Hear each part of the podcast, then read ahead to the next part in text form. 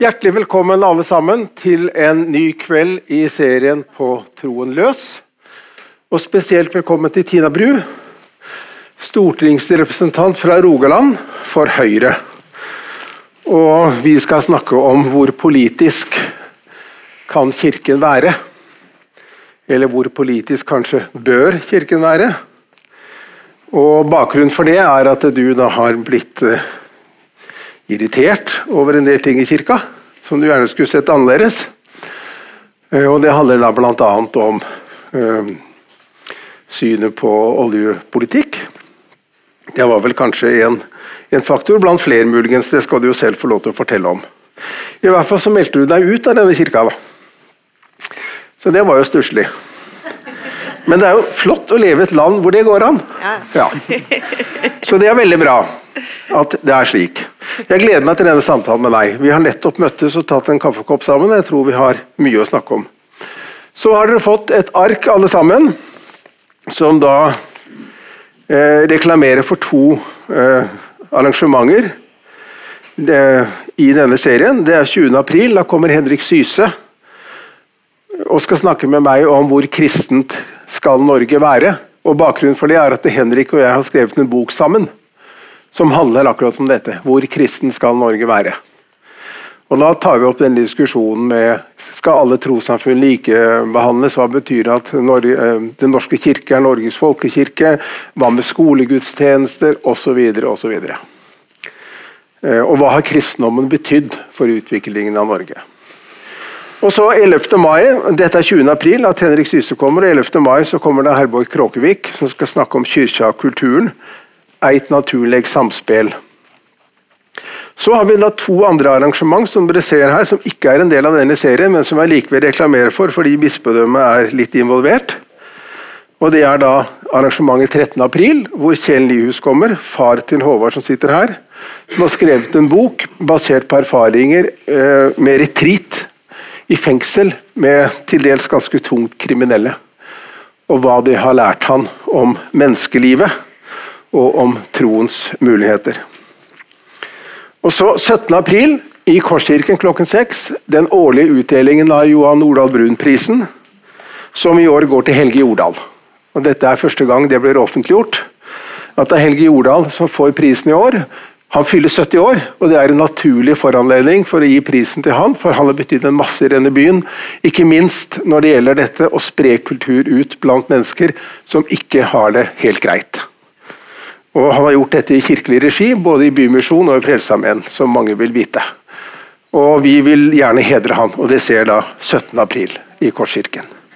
Og så går vi løs på dagens tema. Vær så god, Håvard. Hei, hei og velkommen. Eh, mitt navn er altså Håvard Nyhus, og jeg jobber som kommentator i Bergens Tidende og i Vårt Land, blant annet. Eh, og dette er en kveld jeg har eh, gledet meg til. Denne kvelden har tre helt konkrete forelegg. Den har en kronikk i Aftenposten signert noe som het Klimavalgalliansen. Alle disse tre tingene er fra februar i fjor. Det var denne kronikken i Aftenposten. Og så var det en tweet og så var det en annen kronikk hos NRK Ytring. Og både denne tweeten og denne siste kronikken er signert deg. Vil du fortelle hva dette går ut på? Jeg tror det åpenbare å starte med er makten som ligger i en tweet. Mm. Altså Hvor stor effekt det kan ha hvis du bare treffer på timingen.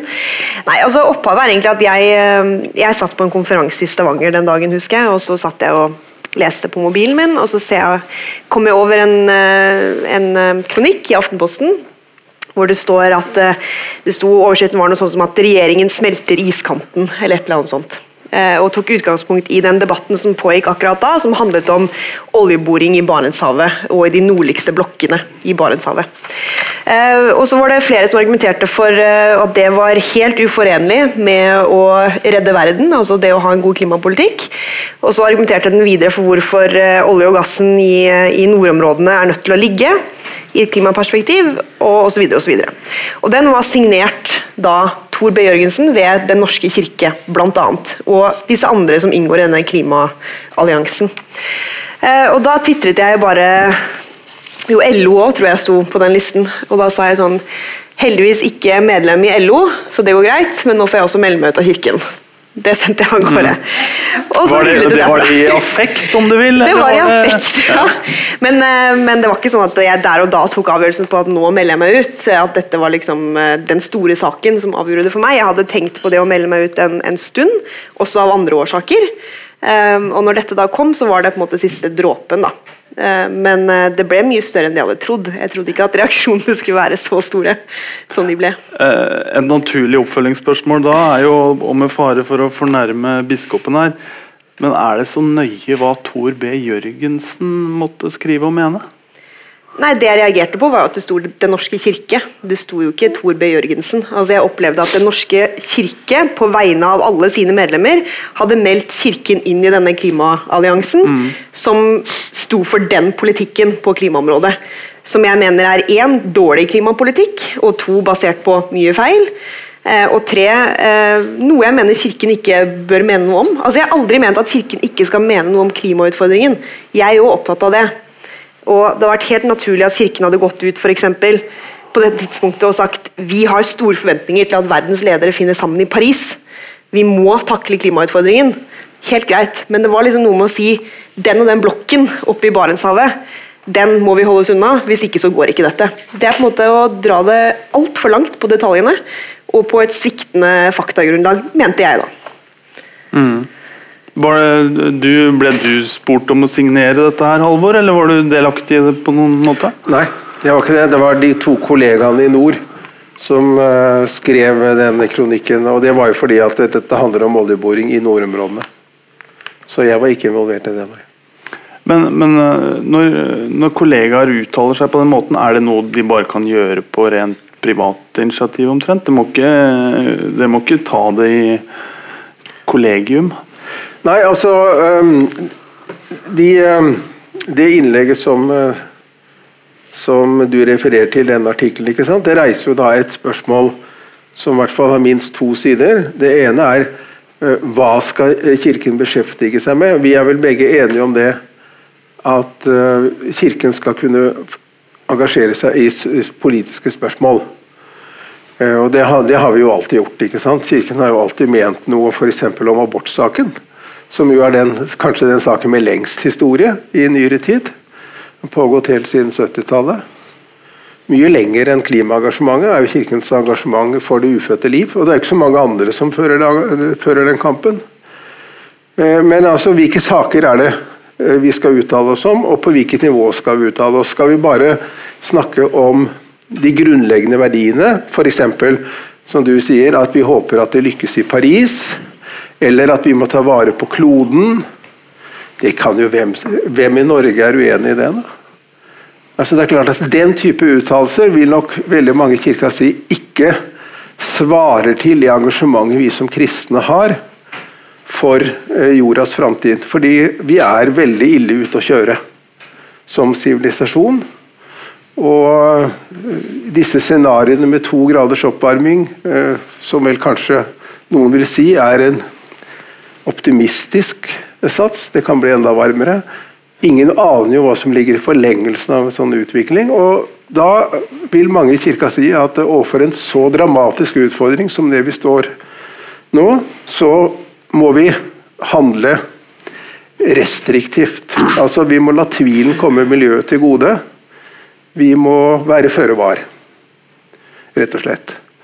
Eh, Og da går man jo inn med nødvendighet i konkrete spørsmål og mener noe om det. Men jeg er enig i at det er et dilemma, og det er den andre siden av dette. her da. Hvor konkret skal man uttale seg når man er biskop, f.eks.? Eh, Skal man mene noe om Lofoten og Vesterålen? Eller skal vi bare si at vi utfordrer regjeringen generelt til å føre en varsom utbygging, eller kanskje aller helst ikke bygge ut, men ikke peke på noen mer konkrete løsninger enn det. Og Norge har jo forpliktet seg gjennom Parisavtalen til veldig drastiske kutt i våre utslipp. Hvordan skal man oppnå de kuttene hvis man ikke foretar reduksjoner av den typen som f.eks. handler om da ikke bygge ut i Lofoten, Vesterålen eller i Barentshavet? Men det som er litt uklart for meg, er hvem er det biskopen Uansett om han uttaler seg detaljert eller om konkrete forhold eller ikke, hvem er det han uttaler seg på vegne av? Når for eksempel, eh, Ja, Det er et dilemma. sånn altså Den som kronikk- uttaler seg på vegne av Den norske kirke, i siste instans, det vil vel da være Kirkemøtet. Som er vårt storting. Og eh, Da denne saken om oljeboring var oppe sist, på ganske brei basis, i 2012 og 2013, så var det jo en ganske sterk debatt i Kirkemøtet hvor konkret skal vi uttale oss om. Og det forelå et forslag til vedtak som nettopp sa noe om Lofoten og Vesterålen. Men det ble tatt ut. Derimot det som ikke ble tatt ut av Kirkemøtets vedtak i 2012, eh, eller 2013 var vel Skal vi se nå, jeg ikke sier noe gærent, for det har jeg jo ikke for vane. Skal vi se, Det var 2012, ja. Det var at man gikk, eh, man gikk imot oljesandprosjektene til Statoil i Canada. Eh, Det er, et, det er vel det mest konkrete som Kirkemøtet har uttalt i, i disse spørsmålene. Eh, Men Men Kan jeg bare spørre, Var det på bakgrunn av klimasaken eller urfolksrettigheter? begge deler. Okay. Begge deler. Både klima og urfolk. Eh, Men er altså, så, så Kirkemøtet er vel det som kan uttale seg på vegne av hele Den norske kirke. Ja. Så har det noe som heter Kirkerådet. De uttaler seg. De, de har en lavere autoritet. Så har det Mellomkirkelig råd, som vel også uttaler seg med kanskje en enda litt lavere autoritet. Så har det Bispemøtet, som har en forholdsvis tung autoritet, men ikke så tung som, som det Kirkemøtet har. Og så har vi da den enkelte biskop. Så naturligvis, det merker jo jeg med en gang jeg nyser, hadde nær sagt. Hvis jeg nyser på galt sted, så risikerer jeg jo at det blir en veldig harang ut av det. Jeg kommer i skade for å si et eller annet morsomt om Sylvi Listhaug en gang, og det skulle jeg i hvert fall ikke ha gjort. Men ser, ser du at kan, kan dere biskoper ha en utfordring her? Fordi Ja, absolutt. sånn som her, Ja, så blir jo ja. denne uttalelsen tatt til inntekt for hele Ja, det kirken. blir det. Jeg, jeg skjønner det. Og særlig hvis da en avis presenterer det som om Tor B. Jørgensen taler på vegne av Den norske kirke. Ja. Og det er jo i og for seg ikke feil, for den er jo biskop. Men er Kirken medlem i klimavalgalliansen, eller hva det heter for noe? Vi var medlem av Klimavalgalliansen som ble etablert i forkant av stortingsvalget i 2013, men den er vel avviklet nå, da. Jo, jo, men, men da er det jo helt innafor. Altså, hvis Kirken er meldt inn i klimavalgalliansen, og dette er standpunktene til klimavalgalliansen, så er det jo helt riktig at dette er på vegne av Den norske kirke. Det er det jo ikke på vegne av Tor B. Jørgensen. Nei, men Klimavalgalliansen tok vel ikke stilling til, eh, til f.eks. oljeboring i Lofoten og Vesterålen? Nei, men den tar jo stilling til Barentshavet og iskantproblematikken. Ja. Og det gjør jo da, og det som var mer problematisk med Klimavalgalliansen, var jo at man også ga de, de enkelte partiene karakterer. Slik at Miljøpartiet og De Grønne fikk terningkast fem og seks. ikke sant? Og det partiet ditt fikk vel et atskillig lavere terningkast, vil jeg tro. Tre eller to, sikkert samme Arbeiderpartiet og resten av røkla der. ja, ikke sant? Eh, Så, eh, og da, Det reagerte jeg på. Det tok jeg også opp internt i kirka. at eh, Var det så lurt å være med på en aksjon som begynner å gi karakterer til politiske partier? Det skal vi ikke gjøre. Mm. Da er vi for langt inn i det partipolitiske. Så jeg erkjenner at det er et dilemma der. Men jeg om jeg, jeg vet ikke. Nei, da, Men, eh, for jeg vil bare litt tilbake til liksom, hele premisset her da, for utgangspunktet til hvorfor, hvorfor Kirken har ment det den har ment. Altså, hvis det er én ting jeg har lært i de nå to og halve året jeg har sittet på Stortinget i energi- og miljøkomiteen, så er det at klimasaken og problematikken rundt klimautfordringene er ekstremt komplisert.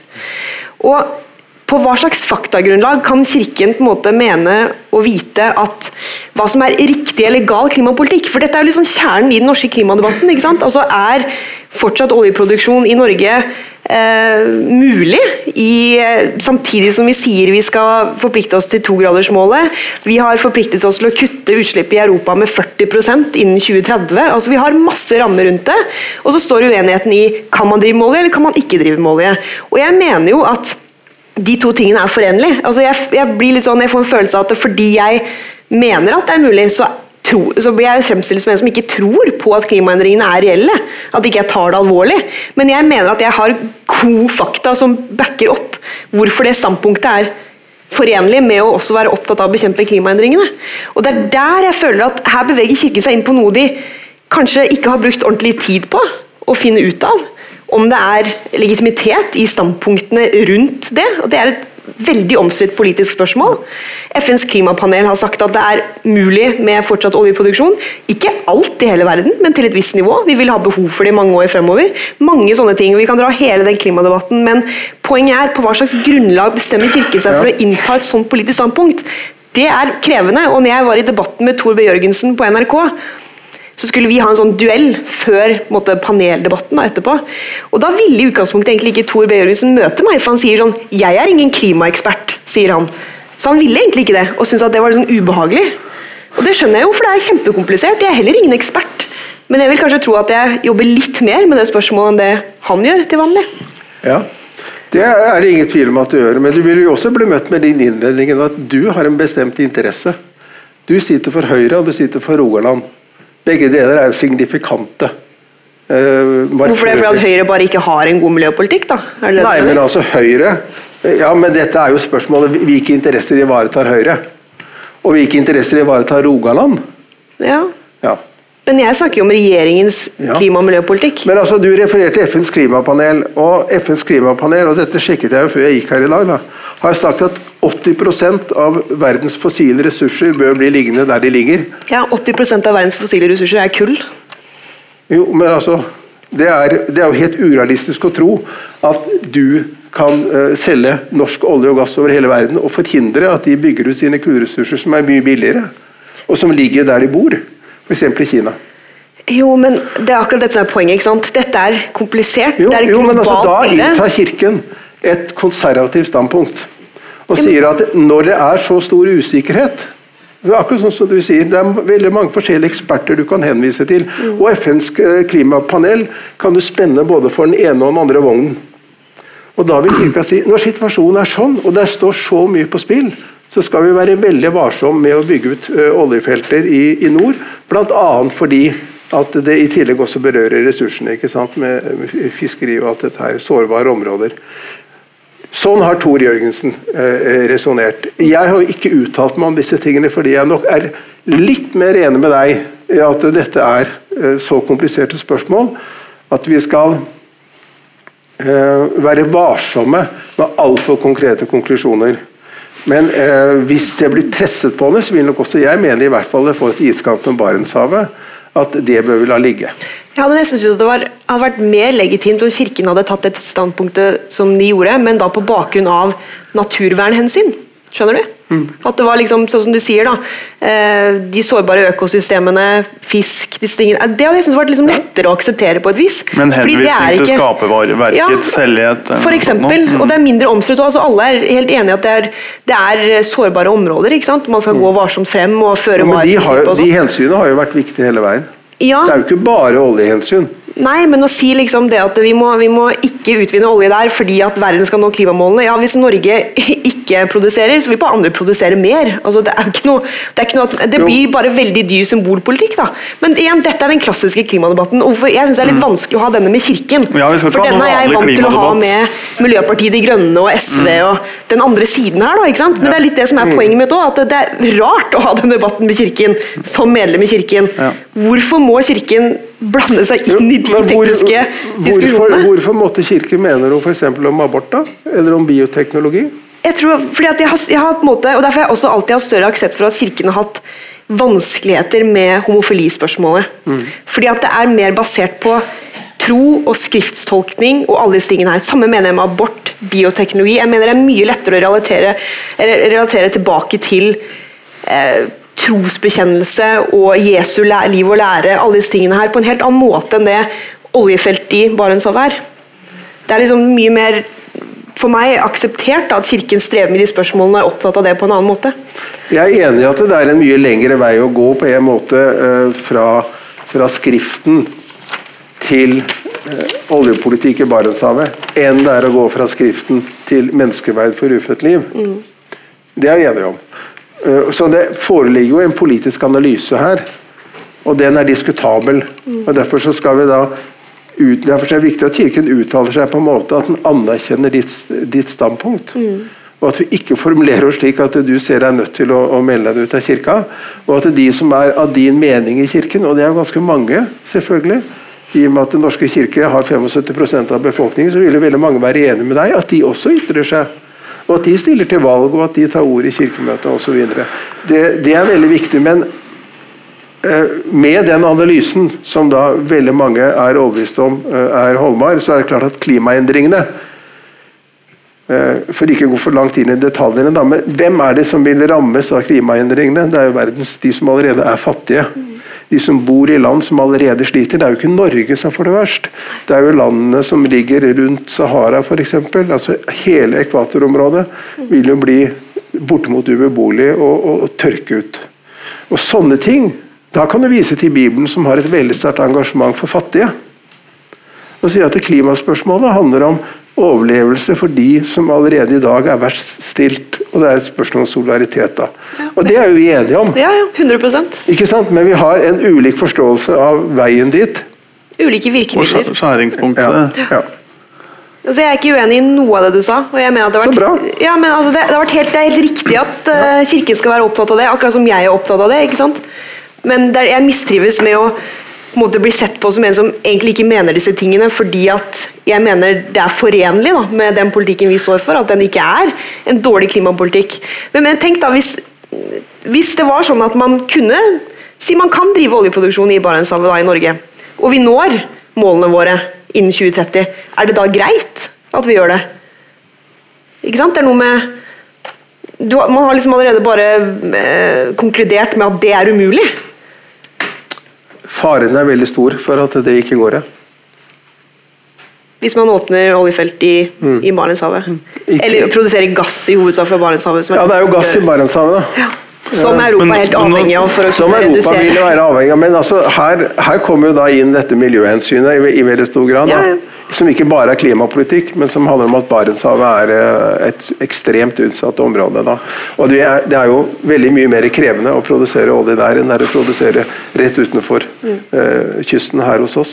Men du merker jo her at her glir det over i et, en faglig diskurs etter Ja, gjør det, absolutt. Er du helt bekvem med det, eller skulle du ikke lagt deg ut på det skråplanet? Jo, men altså, hvilket, Gi meg ett etisk spørsmål hvor det ikke er involvert en faglig diskurs. Nei, jeg har ikke det på stående Nei, det har du ikke. Og det handler jo også om abortloven, ikke sant? Ja. Fordi det, eh, det er jo lett nok for kirka å vifte med flagget og si menneskeverd for eh, ufødt liv, og det sier vi jo. Men så kommer da spørsmål. Ja vel, men hva betyr det?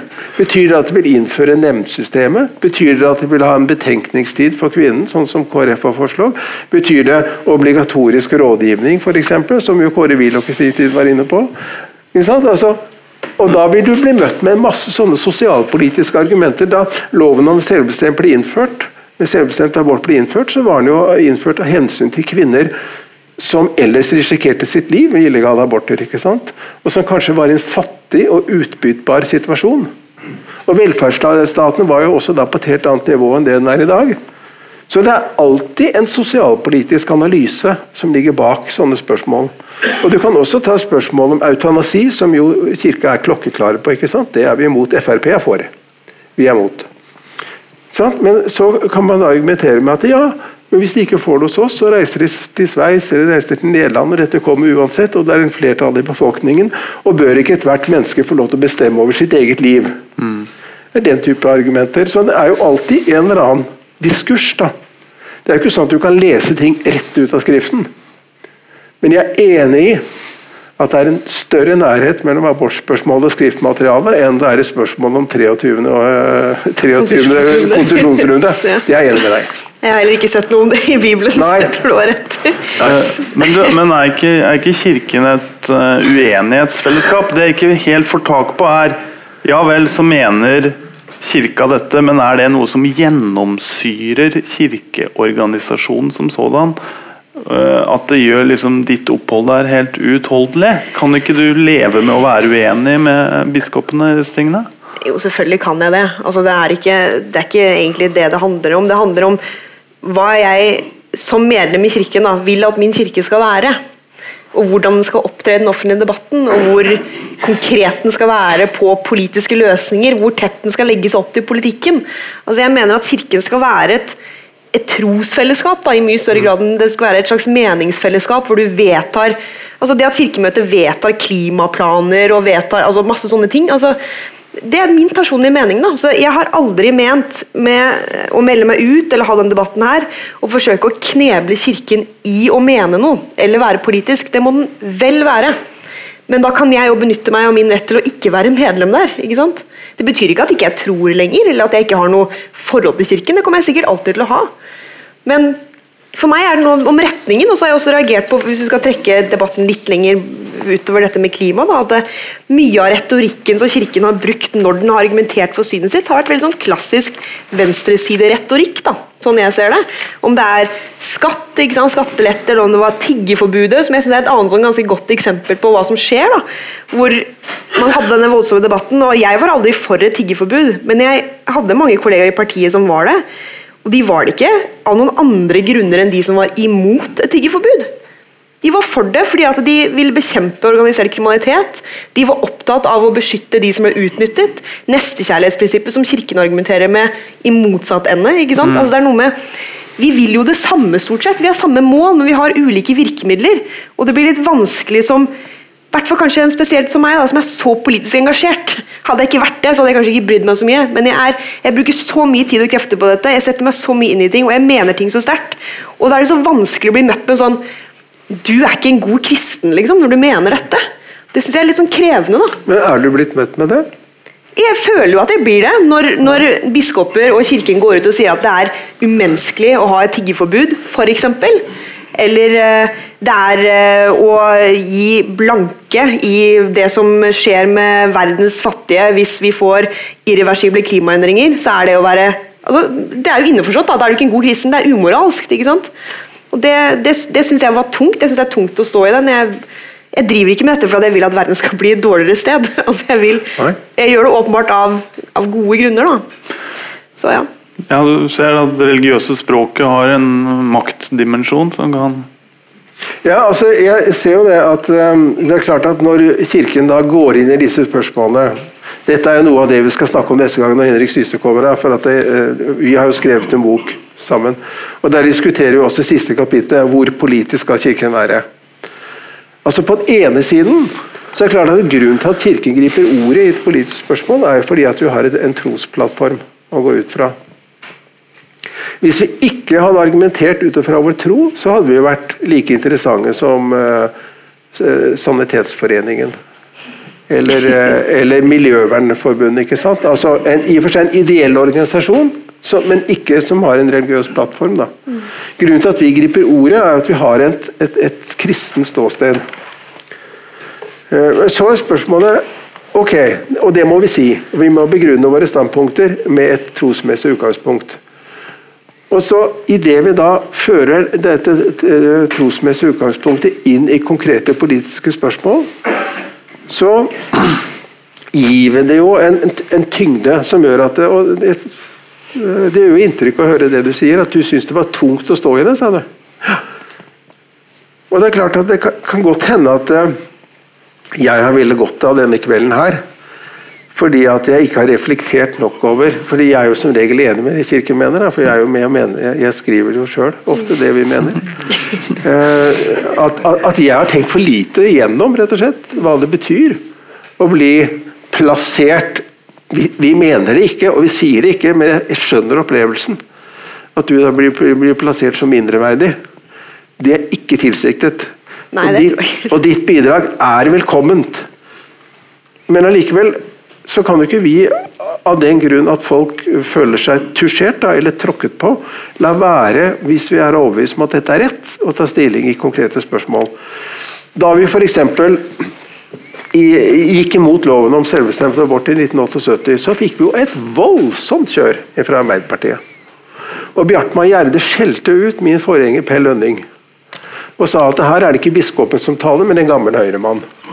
Som jo rett og slett er, var å desavouere hans engasjement. Da. Eh, men han måtte jo stå i det, da. Fordi at han mente at dette, dette var en trosforpliktelse. Og det var en konkret politisk sak. Den var i og for seg partipolitisk, fordi noen partier var på den ene siden og noen var på den andre. og Likevel så måtte han stå i det. da. Og, så jeg mener nok at uh, Kirka kommer noen ganger ikke utenom å ta helt konkret stilling til, til sånne spørsmål. Eh, og, dette spørsmålet om klima er et skjebnespørsmål for hele menneskeheten. Og da, da Derav følger sakens viktighet. Et, et, annet, eh, et, annet, spørsmål som i sin tid var oppe, var denne utbyggingen av Alta-elva f.eks. Som vel mange i dag ser var en ulykke. Eh, da var det også mange som engasjerte seg, også fra kirkelig side, mot denne utbygging, fordi de mente at det her gikk det, her gikk det bl.a. om urbefolkningens rettigheter. Da. Og det Da pådrar det en masse kritikk. Og, og de tapte jo. I hvert fall på kort sikt, den saken der. Og Likevel så, så mener jeg at den, det var verdt å stå i den konflikten, da, selv om du pådrar deg, du pådrar deg kritikk. Og hvis vi ikke pådrar oss kritikk, så, så, er det vel antageligvis ikke noe særlig hold i det vi sier. Da. da er det ikke så veldig mye vits å si det heller, så noen vil jo være misfornøyd. Men øh, Nei, altså som sagt, jeg hører hva du sier. og men jeg tror, du har, jeg tror du har rett. Altså, jeg tror det vil være umulig Eller Kirken ville blitt også totalt irrelevant hvis ja. den aldri skulle være noe politisk da, i det den kommuniserer utad og det den mener. Altså, det er naturlig. Det har Kirken alltid vært, og det, det må den måte til en viss grad være. Men igjen, det er liksom, jeg tror Kirken må selv også tenke over når den velger å bli veldig konkret. ikke sant? At ja. en ting er å, Jeg mener du kan mene masse politisk uten å gå helt ned på virkemiddelnivå mm. på liksom flisespikkeri-siden nesten. ikke sant? Det mener jeg Kirken kan gjøre, og fortsatt være relevant. Men den må òg, tror jeg altså Nå som den skal stå friere, så må den nå finne sin egen stemme og finne ut hva den skal være. altså Hva skal den brede folkekirken være? Hvordan skal den utvikle seg? Hvor politisk skal den være? Eh, og, og innse at da vil kanskje ikke alle altså Det mer du mener, da, det mer også vil du risikere at folk ikke føler seg hjemme der. ikke sant? Men det er jo en naturlig konsekvens av det. Og så kanskje det, kanskje det er bra for Kirken. hva vet jeg? Kanskje det vil skape mer engasjement rundt Kirken. Mer ønske om å faktisk delta av de som er der. Fordi den mener mer og er mer synlig. Men det er en avveining man må ta. Det mer man mener, det mer risikerer man å støte noen fra seg, men nå vice versa. da. Så det Men det Ja. Altså, våre, våre, overlegninger er jo ikke styrt av dette her, hvordan kan vi få mest mulig med oss. Eh, men det er jo styrt av en overbevisning. Hvor viktig er denne saken? Sett ut ifra et kristent eh, standpunkt. Da mener vi at klimasaken er viktig, og det er vi enige om. ikke sant? Den er veldig viktig. Og Så lener vi oss vel da kanskje på litt ulike faglige råd. Eh, det er jo ikke noe vanskelig å finne dekning for veldig mange ulike standpunkt i forskjellige klima, eh, klimaeksperter, og vi legger da mer vekt på de, de skal vi si eh, de, de, mer radikale virkemidlene. Jeg ser jo det. At vi, at vi i, i, disse spørsmålene ligger nærmere venstresida av norsk politikk enn det vi gjør høyresida. Det, men dette balanserer seg opp hvis du, hvis du, også trekker inn et større spektrum av saker. Og historisk sett så har Den norske kirke vært en massiv uh, forkjemper for det etablerte. Vi snakket jo her forrige gang med Frank Aarebrot om uh, oppropet til kristendommens venner i 1884, som jo var et angrep mot parlamentarismen, fordi kongen var innsatt av Guds nåde. det, var jo, eh, det var jo ikke vår, vår, vår stjernestund akkurat da. og hvis, hvis, det er sånn at dagens biskoper uh, stemmer Arbeiderpartiet, Arbeiderpartiet ja, det gjør så stemte jeg, de kanskje Nei da, men uh, men uh, historisk så vil jeg vel bare Nå gjetter jeg jo, da. Men så har kanskje biskoper uh, stemt Høyre og KrF uh, hovedsak? Historisk så har vel biskoper vært plassert til høyre for sentrum, ja. Men, men, nå, skal de stemme etter klimapolitikken sin, da, så må de jo stemme på Miljøpartiet De Grønne eller SV. For det er de eneste to partiene i norsk politikk som mener det Kirken mener i dette spørsmålet. Arbeiderpartiet er ikke i nærheten av å mene det. Men altså, det må jeg også da trøste deg med at vi var jo også da, da den forrige regjering satt i posisjon, så var vi jo like kritiske mot den som ja, jeg er ikke opptatt av det. Altså, Nei, jeg vet jeg, jeg tror, det er kjekt å si Et skritt tilbake. Halvor, du nevnte kristen ståsted, men det er jo ikke gitt hva det betyr. For, eh, ta f.eks. evangeliene. Der er det jo to motstridende impulser. Ja. Det er den ene eh, kalle mennesket til å være deltakende vesen i verden og jobbe for det gode. Det er også en, en, eh, en motstridende impuls som handler om at synden er kommet inn i verden, og at vi må forsone oss. og og delvis slås til ro med betingelsene slik de er. Og dette finner du jo igjen hos Paulus, som jo er som jo sier at nærmest at det verdslige skal seile sin egen sjå. Det skal man ikke Nei, nei, nei. nei. ja, men Du skal Jo, du skal Nei, nei, nei. Jo, jo, jo. jo. Nei, det sier han ikke. Jo, visst gjør han det. Og så har du det motsatte, Johannes' åpenbaring, hvor du skal styrte samfunnet. Og omskape det. Jeg tror vi må ta en prat. Nei, men altså det du ta, en, ta etterpå. Ja, vi tar det. det men det er, er du ikke enig? Nei, jeg er ikke enig i det. Poenget mitt da, Jo, altså, uansett, jo det er en iboende spenning gjennom hele kirkehistorien her. Vel. Ja. Men altså Mellom hvor aktiv eller passiv kirken skal være i samfunnsspørsmål. Mhm. er, du, er, du med, er du med på det? Ja, men jeg, jeg, jeg, Så hva- hva navigerer du etter? Altså, hos Paulus, når han snakker om øvrigheten i Romerne 13, så sier han jo ikke at, at hva var det du, Hvilken formulering var det du brukte? Jeg sa Skulle jeg, jeg spissformulerte selvfølgelig. Ja. Sant? Han sa jo ikke det. Han sa øvrigheten er satt av Gud for å eh, straffe den onde gjerning og verne det gode. Altså Den har et etisk mandat. da. Dette var grunnen til at Den norske kirke under krigen øh, opplevde sin aller beste stund da øh, prestene og biskopene la ned sine embeter i, i protest mot naziregimet. Nettopp fordi de mente at øvrigheten i dette tilfellet ikke fremmer retten, men uretten. Ja. Og da er det en kristenplikt å protestere. Ja, ja. Sånn gikk det dessverre ikke i Tyskland, men sånn gikk det altså da her. Slik at det, det Paulus sier, det er at det, øvrigheten har etiske rammer som er satt av Gud. Men det du har rett i, er selvfølgelig at de etiske rammene må ta inn synden. Ja, fordi Ja. utopien er uansett ikke realiserbar i Utopien denne er verden. ikke realiserbar. Det tilhører det innsidige. Frelsen er knyttet til det innsidige. Og Det er som, poenget mitt. og som Helmut Schmidt sa en gang, tidligere kansler i Tyskland ikke sant? Mit der Bergpredigt kan man de velt nicht regieren. Altså Du kan ikke styre verden med bergpreken. Du trenger sverdet, og det sier også Paulus. Mm. Ja. Du trenger sverdet. Ja. Og, og det er altså ikke umoralsk av en kristen å være dommer og kaste folk i fengsel, eller være soldat. Men det har det jo vært en strid om i kirken. Helt fra første eh, omtrent dag én. Kan en kristen være soldat eller ikke? Og eh, hele veien så har det vært noen som har ment at det, det å være kristen er egentlig å være pasifist. ikke sant? Fordi de, de vektlegger det som du kaller for utopien, da, eller drømmen om Guds rike.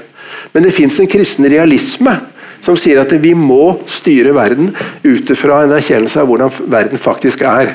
Og Når vi da til neste år skal feire reformasjonsjubileum, 500 år for Luthers reformasjon, så kommer vi til å snakke mye om dette med Luthers toregmenslære. For Luther skiller jo mellom det som er kirkens oppgave, som er å forkynne evangeliet, og det som er verdens oppgave, som er å styre. Og Kirken bruker Guds ord og nattverden og dåpen. Øvrigheten bruker lover og, og, og vedtak, og selvfølgelig politi og forsvar. Det er da øvrighetens regime. Og, til, og En kristen tilhører da begge verdener, eller begge regimenter, om du vil. Og Det er to forskjellige spilleregler. så Derfor så har det jo aldri vært noe problem for meg å anerkjenne at folk som tenker annerledes enn meg politisk, er like gode kristne. Eh, og vi må, ikke, vi må som kirke ikke kommunisere at vårt standpunkt er det eneste mulige. Og jeg syns det, Tina Bru, at du skulle ha tålt litt mer fra, fra den kirka som du tilhører. Jeg, jeg syns at du går ut av Den norske kirke på et for tynt grunnlag.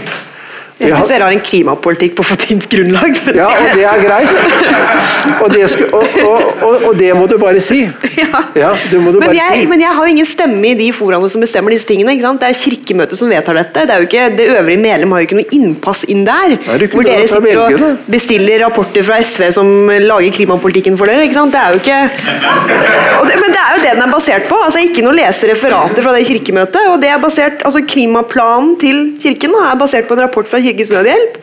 Og en rapport bestilt av SV. altså ikke, Kirken ba ikke SV lage rapporten, men det er SV som fikk den rapporten lagd. og så har kirken man brukt den. hvis man henviser til en rapport fra SV, så er jo ikke det i seg selv noe galt. Men altså Nei, men poenget er Det vet- sviktende grunnlag. Jo, men altså eh, Jeg har jo lest disse vedtakene som vi har fattet eh, om igjen nå i dag. Da, og Det man jo henviser til der, er jo mer forskermiljøer og FNs klimapanel og sånt. da. Jo, men det gjør jeg jo, ikke sant? Ikke sant? Men, men poenget var at eh, det, er ikke noe, det er ikke noe måte for meg. Altså, en, Det har jeg ikke tid og kapasitet til, altså skulle jeg gjort det, så at måtte jeg gjort noe annet med livet mitt. Men jeg har som, som vanlig medlem i Kirken ikke noe innpass på de arenaene hvor disse avgjørelsene tas. Som medlem av Norske kirke så kan ikke jeg påvirke hva som skal være klimapolitikken til Kirken, med mindre jeg liksom går veldig inn for det, da, og ender liksom med å sitte i Men det er jo ingen som har hindret deg i å stille til valg i eh, Stavanger bispedømmeråd. Nei, det er helt sant. Men som jeg Nei. sier også, da, jeg har valgt, jeg har valgt den politiske veien. ikke sant? Jeg gjør det. Jeg kan ikke gjøre og, det er, og det er helt legitimt. Ja. Men det er vanskelig, tror jeg. altså en ting er, Da må du virkelig bruke masse tid på det, da, og til slutt liksom havne helt opp der for å kunne mene noe. og det er ganske mange medlemmer i kirka som du sa tidligere også selv, som sikkert ikke deler den oppfatningen og som ikke har den meningen. Men altså jeg, jeg har heller aldri fått noen invitasjon kan jeg huske når jeg var medlem i kirken til å komme og diskutere for eksempel, hva som skal være kirkens klimapolitikk. Det kunne man jo gjort. da. Skal man begynne å opptre mer som en politisk organisasjon som vedtar politikk, så bør man jo gjøre sånn som partiene gjør, og faktisk få alle inn. da. Ikke bare de på toppen. Du sitter jo her nå. Ja, det Ja, gjør jeg. jeg har jo invitert deg. Ja, det er veldig hyggelig. Og jeg fikk, når jeg sa dette i debatten på NRK, så fikk jeg en sånn sint melding fra Kirkens Nødhjelp som sa at du har diskutert dette med oss. Ja, det er helt rett, men det er ikke det samme som å diskuterer diskutere det i Den norske kirken. Um, men du skjønner poenget mitt. altså man, I et parti så har, hele, liksom, har alle medlemmer en anledning til å være med. altså Alt blir sendt på høring, du kan sende e-post, du kommer med innspill. Du er med på utformingen av det som skal være politikken, som er helt naturlig i et politisk parti. Det må jo være sånn. Men kirken er jo ikke det. ikke sant? Nei. Kirken styres av et organ på toppen som bestemmer disse tingene. Eh, og når det da blir veldig sånn politisk, så ja. Men Men altså, jeg vil bare trekke inn et, et annet perspektiv her. Hvordan er det kirka blir møtt eh, fra regjeringen når vi engasjerer oss politisk? Og Da tenker jeg ikke klimaspørsmål, men jeg tenker asyl- og, inn, asyl og flyktningpolitikken. Da møter vi da en statsråd som anklager oss for å være gjennomsyret av sosialisme for å bedrive godhetstyranni. Eh, Og som da på den ene siden sier at Kirken ikke skal ta politiske standpunkt, og samtidig som sier at ja vel, hvis dere tar politiske standpunkt, så må dere også fortelle hvor skal disse pengene hentes fra, hvor mange skal komme inn. ikke sant? Altså Hun avkrever oss på, på en måte et politisk regnskap, som om vi var et politisk parti. Men jeg syns ikke det er så unaturlig all den tid dere sier A, men ikke sier B. Nei, men altså, Hele vårt parlamentariske system er jo bygd opp på den forutsetningen at det er de politiske partier som har ansvaret for å ta, foreta helhetsvurderingene. Og der sitter jo du. Og så er det da veldig mange NGOs, eller altså frivillige aktører, da, som eh, av humanitære aksjoner, næringslivet, religiøse samfunn, fagbevegelsen, som jobber fram sine synspunkter. Men man kan jo ikke avkreve f.eks. noen som da kjemper for at skal vi si, psykisk utviklingshemmede barn skal få bedre skoletilbud. Så blir jo ikke de møtt med dette. Ja, hvor vil dere ta pengene fra? Nei, men jeg, jeg, jeg skjønner det, og det er helt Ja. fair å si. Ja. Men jeg tror at det å liksom fremprovoseres av den, det som jeg oppfatter at Sylvi Listhaug oppfatter, da, den veldige politiske rollen Kirken har tatt, og den veldige venstredreiningen av retorikken Og jeg tror at Sylvi er som meg en av de som føler seg veldig truffet av det. Som, som jeg vet har et eh, som er personlig kristen selv, Ja, ja, ja. som har et, et godt forhold til kirken i utgangspunktet, og som føler at det er belastende og hele veien blir liksom beskyldt for å drive en inhuman politikk. Når hun òg gjør dette fordi hun mener at dette er best, så kan man mene mye om politikken. Altså, det er Jo, mye altså, man kan si om det. Hun sender jo ut disse, disse tiltakene som regjeringen nå har fremmet, sender hun ut på høring. Ja. Og Jeg får det til høring, og jeg skriver et høringssvar og får da høre at dette skulle jeg ikke ha blandet meg inn i. Ja, det, Det er litt spesielt. ja, Ja, det kan man si. det kan man si. Men jeg tror det er en forskjell på Kirken og en NGO, f.eks. Ja. Det er en forskjell på det. De har på en måte et veldig sånn klart politisk mandat, som er utgangspunktet for hvorfor den organisasjonen driver med det den gjør. Og det er det jeg, jeg mener at Kirken mangler. Jeg mener at Kirken har ikke et politisk mandat. Men kan de ikke tilføre den politiske diskursen et, et nytt vokabular, noen større perspektiver, eh, et, Jo, det noen, det- det de noen andre gjør. ressurser ved å, ved å sette seg inn i en verdisammenheng? Ved å påkalle eh, en, en større himling, en større horisont? Mm. Det er vel derfor de blir involvert i den type høringsprosesser? Jeg har ikke sett uh, høringsuttalelsen som kommer fra Kirken, så jeg vet ikke hvor detaljert den er. Men, eh, men det blir litt det samme som debatten både på klima og på tiggerforbud. At det er en forskjell på liksom påpeke hva som er målet her, hvor viktig det er, og det å fremheve at vi har et ansvar for å hjelpe de som er i nød, ikke sant? og nestekjærlighet. Så da er du igjen tilbake på det du sier at det er jo ikke å mene noen ting, på et vis. Jeg mener ikke det. Jeg mener at det er å mene noe, faktisk. Eh, men hvis man går liksom enda mer ned på ja, vi, skal, vi kan ikke ha en politikk hvor vi sier at vi ikke skal ta imot alle som kommer, at det er en inhuman politikk, da mener jeg det er naturlig å si skal man åpne, skal man åpne grenser? Da? Altså, hva er politiske løsningen på det? Eh, eller sånn som Gelius skriver i dag òg, altså han skriver jo mye forskjellig, men og det at eh, hva, hva, har Kirken av grunnlag for å mene noe om familiegjenforeningspolitikken, altså asylinstituttet, da, for å dra det dit? For eksempel, det er jo veldig omfattende, store, vanskelige ting, det òg. Jo, men altså, la oss ta dette med familiegjenforening, da. Det var noe av de tingene som jeg tok opp i min høringsuttalelse. At det skal bli vanskeligere med familiegjenforening. Altså det skal ta, Er det ikke fire år det skal ta? Og man skal også da ha en økonomi som gjør det mulig å hente og hente familien. Eh, da skrev jeg i min høringsuttalelse har man tenkt igjennom hva dette betyr for de som er syke og de som er arbeidsledige og som ikke har en økonomi. ikke sant? Det mener jeg er en helt legitim innvending ut fra et kristent menneskesyn. Vårt ståsted må være på de fattige side, og flyktningene er fattige. Og på de som har mistet sine rettigheter, og flyktningene er i hvert fall i fare for å miste sine rettigheter. og De har ikke mange rettigheter der de kommer fra. Så da, da legger jeg det hensynet inn over regjeringen tenk på hva dette betyr for de som ikke har ressurser og som er syke. Og Det mener jeg er et veldig legitimt og godt begrunnet etisk standpunkt. og jeg mener at Regjeringens forslag til innstramming på dette punktet er står i hvert fall i fare for å fungere inhumant. Men jeg synes faktisk, altså jeg har ikke noe voldsomt behov for å forsvare Syvi Listhaug og hennes reaksjon. Ja, men Det er jo regjeringen vi snakker om, da. Ja, ja, men, men hun velger jo hva hun uttaler selv. Altså, jo, men det dette er jo regjeringens innstrammingsinstinkt. Ja, ja, ja, ja. Men ikke sant, igjen, diskutere konkret politikk med deg, jeg syns det er litt rart. Eh, men, men, det som var poenget mitt, er at jeg syns faktisk at det er mye mer legitimt at Kirken er mer spesifikk i denne debatten mm. enn i klimadebatten f.eks. Jeg syns ikke det er så rart at Kirken har større meninger om den eh, flyktningkrisen som vi ser i Europa nå, syns jeg ikke er så rart. Jeg syns det er mer naturlig at Kirken skal ha en større rolle der. Jeg synes også at eh, i debatten om godhetstyranniet, for å kalle det det, så synes jeg at det er en litt sånn urimelig kritikk å komme til Kirken. Altså, for at Hvis det er én ting Kirken skal faktisk være en godhetstyrann på, da, så er det sånne typer spørsmål. Mm. Så der er jeg liksom litt uenig med det. Mm. Uh, og Det er en kjempeforskjell fra denne saken og f.eks. Barentshavet. Uh, ser, ser, du verdien av å ha en aktør som Kirken som hele tiden messer om A, A, A, og ikke sier B, men hele tiden messer om ansvaret for de fattige og de utstøtte? som en slags sånn evig hakk i plata, om du vil. Altså, som ikke går inn på noe sånn konkret politisk, men bare Ja, det tror jeg. Ja. Fordi det minner oss om vårt moralske ansvar som menneske. Mm. Å ha en stemme i debatten som, som, gjør det. Men det mangler jo ikke på de stemmene. Det, det, er jo det de fleste gjør. Jeg får mail daglig fra ulike organisasjoner som har liksom ett formål å hamre på det, og det er verdens viktigste ting. Mm. Så det mangler jo ikke på folk som spiller den rollen. Ja, jeg er mener at Kirken er jo ikke en NGO i betydningen at vi bare har én sak, det er jeg helt enig med deg Men vi er en NGO i betydningen at vi er ikke en altså NGO betyr Non-Governmental Organization. Eh, vi er, vi er, jo ikke en del av det, av det politiske systemet. Og dette med familiegjenforening er jo for meg en veldig god testsak. da, fordi Jeg kunne jo skrive i min høringsuttalelse at jeg vil anbefale regjeringen å, å, å vektlegge medmenneskelighet og nestekjærlighet.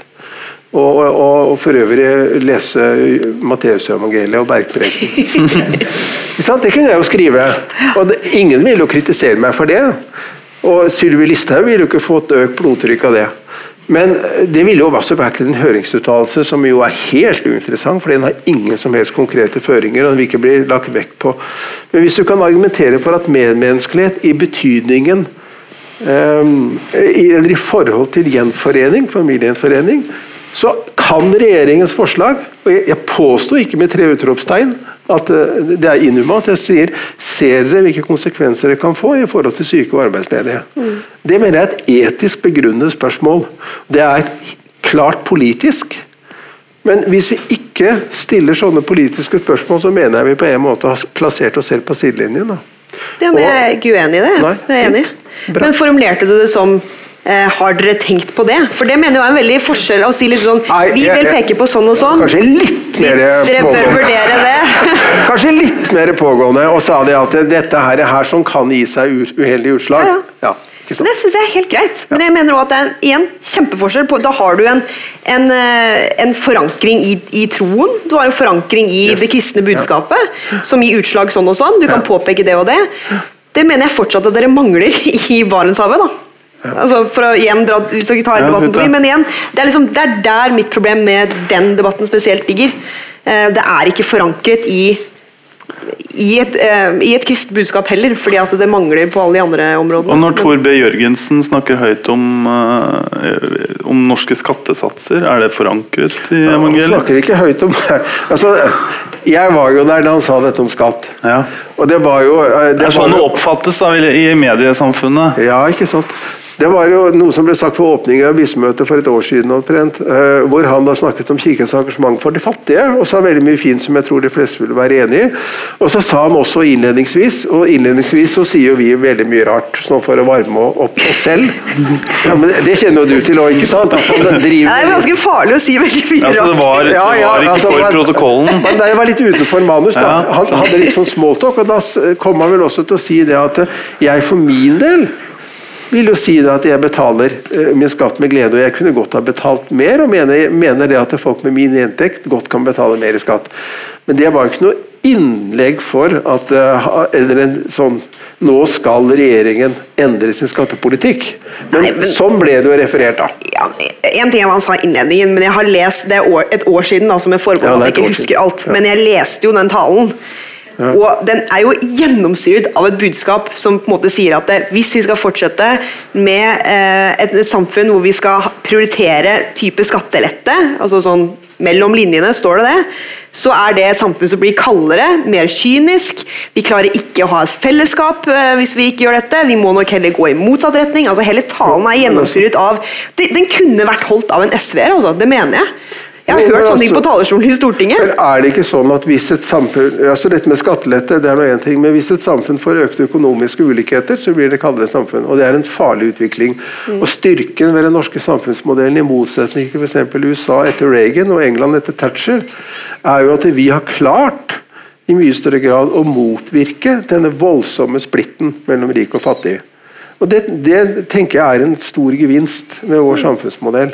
Og jeg, jeg, Du kan jo snakke med folk i Storbritannia om hva som har skjedd de siste 20-30 årene. Da er, jo er det noen som vil ha en sånn akselererende fattigdom. Nei, men det har jo vært ført eh, gjennom en, en skattepolitikk som har prioritert de, de velstående og innstramming til de fattige. Det var vel det som var bakgrunnen. Ja, men ikke sant? Det, er også- det er tolkning, da. Altså, det, er, det er det samme som Arbeiderpartiet gjør i spørretimen i Stortinget i dag. Så er det å stå og si sånne ting. Og så kan vi vise til helt andre tall som viser motsatt. Fordi det er en politisk strid. Og det er en politisk strid om virkemidlene. Og altså, Barnefattigdommen i Norge har økt jevnt den, de siste 15 åra. Den økte også hele veien under de rød-grønne. De klarte ikke å gjøre noe med det. Og det er virkelig ingen partier i Norge Eh, og det kan jeg si i hvert fall nå som til og med Frp sitter i regjering, som vil føre en politikk for økte forskjeller og eh, altså type Thatcher sitt eh, England. Altså Det fins ikke i norsk politikk, da. Men sånn sett så var det vel en formaning til hele det politiske spekteret, da? Jo, det kan du si, ikke sant? Ja. Men, men det, er, det er igjen, det er retorikken og ord Altså den derre eh, Det premisset om at skattelette er lik ondt, kaldt, ikke bra. Skatteøkninger er lik godt. Velstand, fellesskap, velferd. Det blir sant? for Det er- ser jeg. Jo, men, men det, er, det er det som er mitt, mitt problem. Når jeg sier venstredreining av retorikken, så er det sånne ting jeg mener. da. Ja, Men nå har jo Kirken ikke uttalt seg om skatteletter. da. Nei, nei men Tor B. Jørgensen står og holder en tale på hva, hva slags møte? Det var vel ikke På hans beste øyeblikk. Nei, ikke sant? Men igjen, er, sant? Han må gjerne gjøre det, men da må man også forstå hvorfor folk reagerer. Det er ikke så rart da, at folk på høyresiden i norsk politikk reagerer litt på det. Ja. Men hvis jeg skulle uttale meg om skattepolitikk, så vil jeg være, bruke atskillig mer tid på å utvikle et resonnement enn det som han gjorde i en sånn replikk, som jo egentlig da bare var en, eh, en type For hans egen del kunne han godt betale mer skatt. ikke sant? Men det ble jo da utlagt som om at han ønsket en helt annen skattepolitikk, og at han var imot eh, fjerning av formuesskatten f.eks. Men- Og det sa han jo ingenting om. Men, Er, er ikke dere da litt for raske til å postulere identitet mellom én enkelt biskop og kirken som sådan? Og så tilskriver dere ikke Jo, men denne hvis- ene biskopen en altfor stor rolle i det store kirkefellesskapet? Men Det er én jo- stemme. Dette er liksom Jo, men det blir litt som at det, det er en grunn til at selv jeg, da, som, jeg sitter ikke i regjeringen, men jeg er jo medlem i et parti som sitter i regjering, sitter på Stortinget. Hvis jeg hadde gått på en eller annen scene et eller annet sted, hos LO da, for eksempel, eller noe sånt, Ja. og holdt en voldsom tale og sagt ting som ikke er regjeringens politikk, så hadde jo det blitt en greie. Ja. Altså, da, altså Regjeringen hadde blitt tatt til inntekt for det med en gang. fordi det er også sånn mediehverdagen fungerer. da. Hvis jeg er sier noe enig. voldsomt kontroversielt, så vil folk reagere på det, fordi jeg er jo Høyre-representant. men, men da er mitt spørsmål Er det en god analogi, Kirken og et politisk parti? I all Fordi Kirken er jo nettopp ikke et meningsfellesskap, slik et politisk parti er. Men det er jo nettopp mitt argument, som har vært mitt, min utfordring med Kirken. da. Men- og som jeg synes blir vanskelig, altså som viser hvor kronglete stien blir for Kirken når den velger å bli mer politisk. For da blir den, mer, da blir den også holdt til ansvar på samme måte som det et politisk parti blir.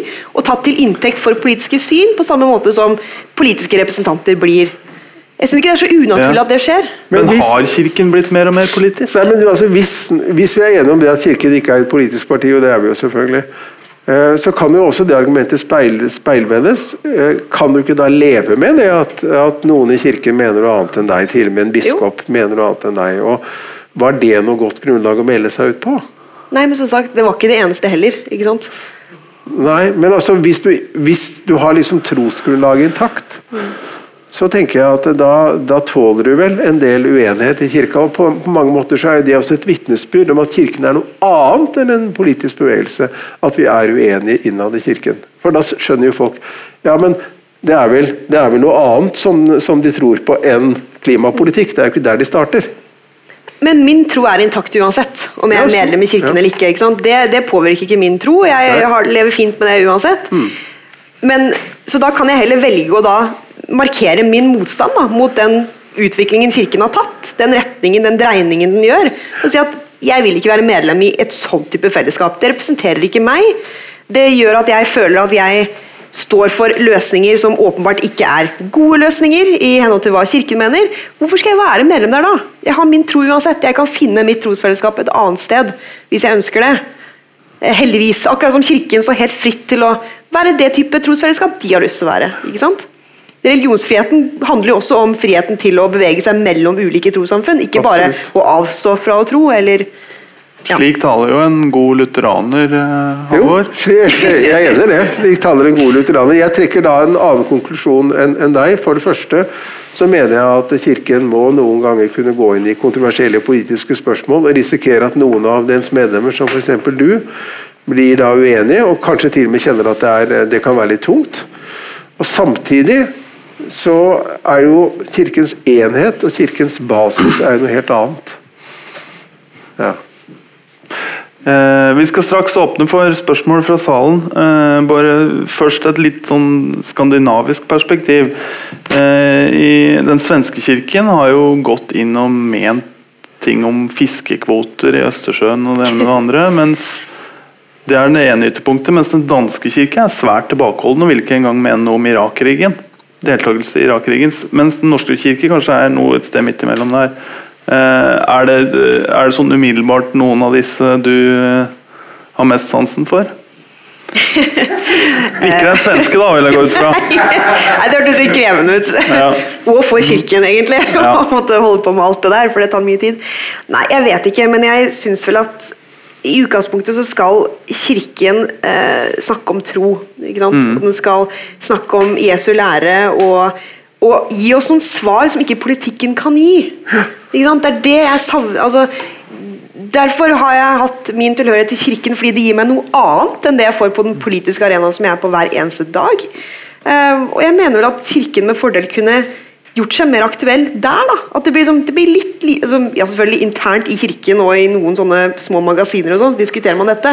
Men i det store offentlige rommet så er det litt lite av den Det som søker på å gi noe svar for den tiden vi lever i, som er noe annet enn de politiske svarene.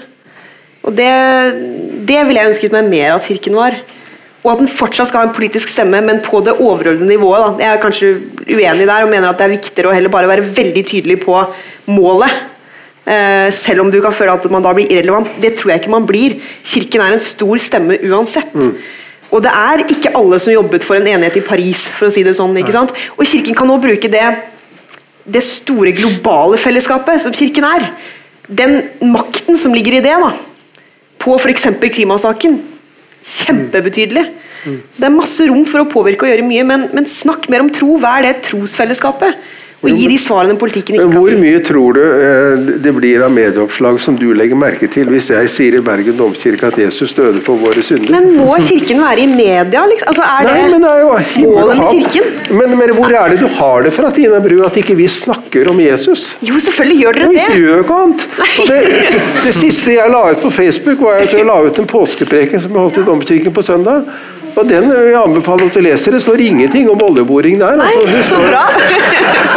altså, Men er det, hvor er det folk har det bildet fra? At, de, at ikke vi snakker om, om troen og evigheten og døden og livet og meningen og, og de store spørsmålene. Vi gjør det hele tiden. Ja, men dere får så mye oppmerksomhet når dere mener politiske ting. Ikke sant? Ikke sant? Det er litt sånn det er, altså. Ja. Er det likevel et bilde på en, på en kirke som strever litt med å finne seg sjøl? At den, at den eh, kaster seg inn i og mener ting om oljesandutvinning er selv. kartongfabrikken på Rena, Ja, som var presteopprop for å Jeg mener ikke noe om kartongfabrikker. Nei. Nei. Men jeg tror ikke at det som driver vårt engasjement i oljepolitikken for eksempel, eller klima, i den grad vi snakker om det, er at vi vil gjøre oss relevante. Men vi mener at dette er et viktig etisk tema, og det er jo Tina Bru og jeg helt enige om. Det er viktig. ja. Men jeg, jeg tror også Kirken vil gjøre seg litt relevant, ja. altså selv om man kanskje ikke ut, at det er en uttalt strategi. Men man er tross alt i en situasjon hvor 5000 mennesker årlig melder seg ut av Kirken. Eh, Stadig færre på en måte ser verdien i å, å være aktive der. Også en ting er at de er passive medlemmer, men det liksom, samfunnet går jo ikke i retning av at flere og flere vil være eh, vil tro da, og ha en tilhørighet til et trossamfunn. Og da tror jeg kanskje at Kirken nå må søke noen sånne andre veier å få oppmerksomhet på også. da, Og, og gjøre seg relevant. Eh, og derfor også kanskje velger man ofte de etter min mening, de sånne lettvinte svarene som høres veldig fine ut. ikke sant? Alle som alle umiddelbart vil tenke ja, olje er lik økte utslipp, ikke bra, ergo kan ikke drive med det. Lettvint, veldig lett å, å trekke sammenhengen mellom det og det å redde klima. Vil appellere til veldig mange som er opptatt av miljøsaken, men som ikke kan veldig veldig mye om eh, de store ringvirkningene. Så, jeg, så jeg skjønner det, men, eh, men jeg tror at det er en det er en, eh, det er en balanse der da, som vil være litt eh, Som vil være spennende å se hva som skjer med fremover. Men vi er vel helt enige om det, Tina Bru, at det er en balanse i disse spørsmålene. Eh, ingen av oss ønsker en kirke som er fullstendig døv og blind politisk, og ingen ønsker en, en kirke som opptrer som et politisk parti. Og så, og så jobber vi rett og slett med å finne hvor er den gode veien i dette landskapet. Det var, apropos, så da Under krigen så ville jo Nasjonal Samling ha en eh, kirke som var helt upolitisk, og sa, Ja, sendte jo ut et skriv om at det kun skulle snakkes om det det evighetsmessige, evighetsmessige og oppbyggelige. Ja, ja, ja. Så det var altså en Og da eh, blir jo ingen sint, naturligvis. fullstendig kastrert kirke, da. Ja, ja. Det, var, det, Det var det. var det de ville ha. Men det, det er jo vi enige om. Det er ikke det de du vil ha. Sånn skal det ikke være. Nei. Men nå må vi slippe til folket Ja. her, tror jeg. Det er, eh, ja, det er litt motlyst, men jeg ser en i midten der. Ja. Er det, kommer det en mikrofon, tenker jeg? Ja, ta så Demp lyset litt, sånn så vi ser alle som snakker. Det er fint. Ja. Um, jeg skulle gjerne ønske at det her spørsmålet kunne bli ekstremt kort, men det er så veldig mye dere har tatt opp nå. Prøv så veldig mye interessant. Jeg skulle gjerne sittet der nede blant dere også. Uh, for det er Ja, veldig mange interessante tanker der. Ja, vi må ha ganske korte spørsmål, Ja. altså ingen tale. Nei, vi skal prøve. Og det gjelder litt grann det her om hva du skal si om eh, kirkens deltakelse. da. Og det har med akkurat For meg da, så er ikke klimapolitikken det aller viktigste, men jeg er mye mer interessert i innvandrings- og asylpolitikk. Og der opplever jeg da veldig mye liksom sånn som Sy- eh, Listhaug sier, at det er en gjennomsyret eh, sosial, altså Kirken er gjennomsyret sosialistisk, og det mener jeg ikke bare fordi at eh, du eller eh, noen andre biskop kan uttale seg, men det er f.eks. her i, eh, når det var valg her i eh, Bjørgvin bispedømme, eller ja, når det var kirkevalg, så var det av, så var det én person ut av 20 som sa seg uenig i påstanden kristen nestekjærlighet innebærer at Norge skal ta inn flere asylsøkere. Det for, og når, liksom, når det kun én person sier at han er uenig i det, og han er ikke helt uenig, han er bare litt uenig, da føler jeg at det er en veldig sånn gjennomsyret eh, sosialisme som går gjennom. Og det er liksom, Når jeg ser også på hvilket parti veldig mange av eh, de som sitter veldig oppe, høyt oppe, er med i, så er det ofte venstrepartier. Og det er også det her med at jeg opplever ikke noe særlig mangfold. Jeg opplever ikke noe mangfold av meninger. Det er ofte sosialistiske. Og det er ofte sånn her, eh, og det er det jeg mener, liksom, og når det er en som sier liksom at, at det Sylvi Listhaug kaller for eh, sosialisme, det kaller vi andre for kristendom, da føler jeg liksom også at ja, da har jeg denne samme tanken om at eh, kristendommen equals sosialisme. Det er liksom sånn jeg opplever da, Sånn at du kan på en måte ikke mene f.eks. Eh, noe en, har en konservativ innvandringspolitikk eller, kan, en, eller en eh, liberal skattepolitikk uten å liksom være Da er ikke du kristen. Du sier ikke direkte, men du sier litt sånn indirekte. Det er sånn jeg opplever det. Og så ble du også sjøl spurt av en journalist om eh, din egen eh, om at, eh, så var det at Sylvi Listhaug sa vi burde hjelpe de i nærområdene. Hva er galt med det? Og du presser på liksom, ja, vi må ta imot her også, og det er de som har kommet her. og sånn. Det å si liksom, vi vil hjelpe de i nærområdene, det er der det fleste er, det er der ressursene bør komme, ikke her. Liksom, jeg opplever ikke det som strider mot bergpreken eller noe av det Jesus sier. Det står ingen steder at, i Bibelen at Norge skal ta imot flere asylsøkere. eller det er en del av nestekjærlighet. Og når flere, når jeg hører det hele samme retorikken fra biskoper, så føler jeg litt grann som Tina her, at dette er ikke en kirke for meg. Det er ikke en kirke som representerer meg. Og eh, ja, jeg føler meg veldig sånn isolert. Jeg skulle gjerne også ønske at, liksom, at det var litt mer sånn diskusjon om tro. Det er en ting å snakke i kirken om, eh, om Jesus oppstandelsen. Det er ganske fint, men liksom, det, det, blir i kirken. Det kommer ikke ut. Det er det som jeg skulle gjerne ønske å ha litt med i kirken. Kom, ha en trosforsvarkonferanse, eller Du hadde jo en debatt ja, men det er en annen, annen tema. Hæ? Ja, det er, det er, et annet tema å si. Ja. ja. Men liksom som sagt, så hadde du også en debatt om han, med han her, eller en dialog var det jo med han eh, astrofysikeren. da. Men som sagt, det var mer en dialog, ikke så veldig mye en debatt. Det var ikke så veldig mye en debatt om tro. Om kirken skal gjøre seg relevant, må de se til å gjøre Jesus relevant for folket. Ikke bare gjøre seg sjøl relevant. Det, nå, ja. Ja, hvis jeg bare, skal bare svare på det, så mener jo ikke jeg at enhver en politikk i disse spørsmålene som har med asyl og innvandring å gjøre, er, er, like lett å forsvare fra et kristent ståsted. Og øh, Jeg er helt enig med regjeringen, og jeg har også gitt offentlig kred til regjeringen fordi at det bevilger betydelige beløp for å hjelpe folk i nærområdene. Betydelige beløp, det er snakk om milliarder. Og det skal de ha all mulig honnør for. Eh, men eh, Norge er jo forpliktet av internasjonale avtaler og menneskerettighetskonvensjoner og flyktningkonvensjoner som sier at folk som dukker opp på grensen og ber om asyl, skal få sin sak behandlet. og Det er vi enige om. Og Det betyr jo at de som er her, de er jo ikke i nærområdene. De er på grensen, og da må vi behandle dem ut fra de folkerettslige forpliktelsene som Norge har. og Da er det jo noen som mener at en del av disse innstramningstiltakene som regjeringen foreslår, er i, i, konflikt, i hvert fall i spenning, i forhold til Norges forpliktelser. Det har jo bl.a. Eh, en av disse jusprofessorene på Universitetet i Oslo som har jobbet med dette, sagt at han syns det er meget problematisk sett fra et juridisk standpunkt. Jeg er ikke jurist, men jeg legger merke til det standpunktet. i hvert fall. Så det, det, er også noe av det som jeg vektla i min høringsuttalelse, at vi må holde de forpliktelsene som Norge har som internasjonalt samfunn. Og det det syns jeg er et grunnleggende anliggende. da. Men jeg er enig i dette med nærområdene. Det er klart at eh, Der er de fleste. Helt, helt opplagt. Men også, også det her om mangfoldet. da. Det er jo ikke så veldig mye motstridende liksom, stemmer på sida. Liksom noe som er litt mer høyrevinklet. Det er jo veldig mye sånn altså, venstrevinklede eh, ting eh, toppfolkene i kirken tar standpunkt på. Det er da man føler seg litt sånn mm. uvelkommen. Bare, ja, på. Det er jo det jeg også har følt. Mm. Er, man ikke, hadde man hatt et veldig mangfold, man, man hadde begge sidene med, men det har man ikke. ikke Det er på den ene siden stort sett, og det har vært min utfordring. Men jeg har bare lyst til å kommentere en annen ting du sa som jeg synes er interessant. fordi du sa Hvorfor diskuterer vi ikke tro? Ikke? Vi må gjøre mer av det. Og nå har jeg aldri vært veldig aktiv i kirken, så jeg kan på en måte ikke påstå at jeg vet veldig mye om hvordan det skjer i dag i kirken, men jeg ser jo hjemme på, i Stavanger, da, der hvor jeg bor, At stadig flere unge mennesker søker seg inn til type IMI og noen av disse andre fellesskapene og går på bibelskole der og sånn, fordi det, det er der de opplever å få, kunne ha de samtalene. De går ikke til kirken for å ha de samtalene, de søker andre eh, trosfellesskap for å kunne ha de, altså diskusjonen om tro. Hva er tro for oss?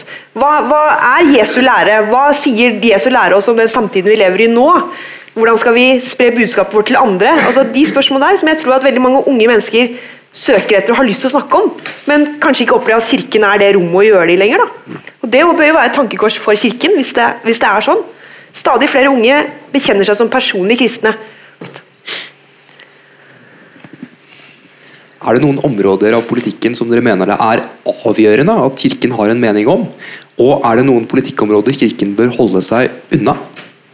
Ja, det mener jeg. Altså, for alle spørsmål som har med menneskeverd å gjøre, må Kirken engasjere seg. F.eks. spørsmål om eutanasi, som jo helt sikkert i løpet av få år blir et veldig hett tema. Altså retten til aktiv dødshjelp. Eh, det kommer til å bli kjempe, en kjempedebatt, og der er Kirken nødt til å ha et standpunkt. fordi det er i direkte konflikt med det kristne menneskesynet. Og det har, eh, kan få veldig alvorlige konsekvenser hvis det blir innført. Uh, og Så er det et spørsmål som vi ikke skal mene om, og det er kommunesammenslåing. For da er det, altså Jeg som privatperson kan ha veldig sterke synspunkter på det, men det har ingenting med mitt engasjement i kirka å gjøre. Og det fins veldig gode kristne eh, kirkelige argumenter for at Mæland skal gå inn i en storkommune som heter Nordhordland. Og det fins veldig mange gode argumenter imot, helt sikkert. Og jeg kommer aldri til å mene noe om Mæland og Nordhordland. For å bare ta et veldig morsomt eksempel som alle skjønner, at dette har ikke veldig stor verdibasis. altså det kunne hatt det. Altså, egentlig, hvis det ikke sånn, En av de store sakene man, eller tingene man diskuterer i forbindelse med kommunereform, er jo nettopp type tjenester som barnevern. ikke sant? Ja, eh, hvor veldig mange små kommuner ikke evner å faktisk oppfylle det som er oppgaven med barnevernstjenester. Eh, som jeg lett ser at man kunne funnet gode ja. kristne argumenter for man trenger en større kommune. og da vil jeg ha sagt det at det er det viktig at de hensynene blir ivaretatt. Ja. Enten det blir storkommune eller ikke. For En annen måte å løse det på er at du løser det ved interkommunalt samarbeid. og Det er det mange småkommuner ja, ja, Men jeg mener, altså, Kirken trenger ikke mene noe om det. Jeg er enig med deg på dette. Det er liksom men, men det er viktig, det er viktig. Du kan alltid finne en vei inn hvis du vil. Ja, du selv i noe så tørt som, og teknokratisk som eh, ja. kommune, norske kommunegrenser. Var det var, var noe Ja. Lenger bak der. Hei, eh, spørsmål til biskopen. Du sa helt i begynnelsen at uh, dere heller mot det restriktive eller konservative når det gjelder uh, miljø, sant? for å være sikker fordi at det er så skjørt. Uh, er det på en måte motsatt når det gjelder flyktningpolitikken, for å være sikker for at vi har, viser nestekjærlighet? Vi, kan vi være litt naive og lite nyanserte i disse tingene? Veldig godt spørsmål. Og jeg, har jo bodd fem år i Tyskland, så jeg følger veldig nøye med hva som skjer der nede. Og Det er jo interessant å se da, hva som har skjedd med CDU, som jo er Høyres søsterparti. Eh, og som jo har en veldig tydelig kristen basis for øvrig. Og som har en veldig tydelig kristen leder i Angela Merkel, som er pressedatter og en bekjennende kristen. Som jo i første fase går veldig hardt ut og sier 'Das schaffen wir'. ikke sant? En million flyslinger, das schaffen wir. Og, og, det tror jeg nok de klarer, for at når tyskere setter seg noe fore, så får de det til. Eh, men hun er nok nå kommet i en, i en fase nummer to hvor hun innser at hvis denne innvandringstakten fortsetter, eller denne flyktningtakten fortsetter, da vipper det tyske samfunnet. Da er vi i ferd med å, å, miste kontrollen. I hvert fall så er det helt tydelig at Merkels retorikk nå er en annen, og at hun i veldig stor grad faktisk er avhengig av det hun i utgangspunktet var imot. Nemlig at flyktningstrømmen lenger sør i Europa bremses noe opp. ikke sant? Eh, men hun, eh, hun, er vel glad for at hun slipper å ta den belastningen selv, men hun er i og for seg glad for at Ungarn og, og, og disse andre landene kanskje eh, stenger litt igjen på flyktningstrømmen. Og Det er nok ut fra en erkjennelse av at uh, disse spørsmålene er mer kompliserte enn bare spørsmål om medmenneskelighet. fordi at det dreier seg om mennesker som har da med seg en, en så skal vi si, alvorlig eh, ballast, både verdimessig og kanskje også sosialt, at det er krevende å, å, å integrere én million. Det klarer vi. Et samfunn på åtte millioner de klarer én million, og særlig Tyskland. Men fem millioner, som da ganske sikkert ville bodd i gettoer i de store byene etter hvert, sånn som det har skjedd i Frankrike, det ville være en kjempeutfordring. Så du har helt rett. altså det er en tid for alt, og det kommer også en tid kanskje hvor Kirken må si at uh, dette her kan ikke fortsette. Nei.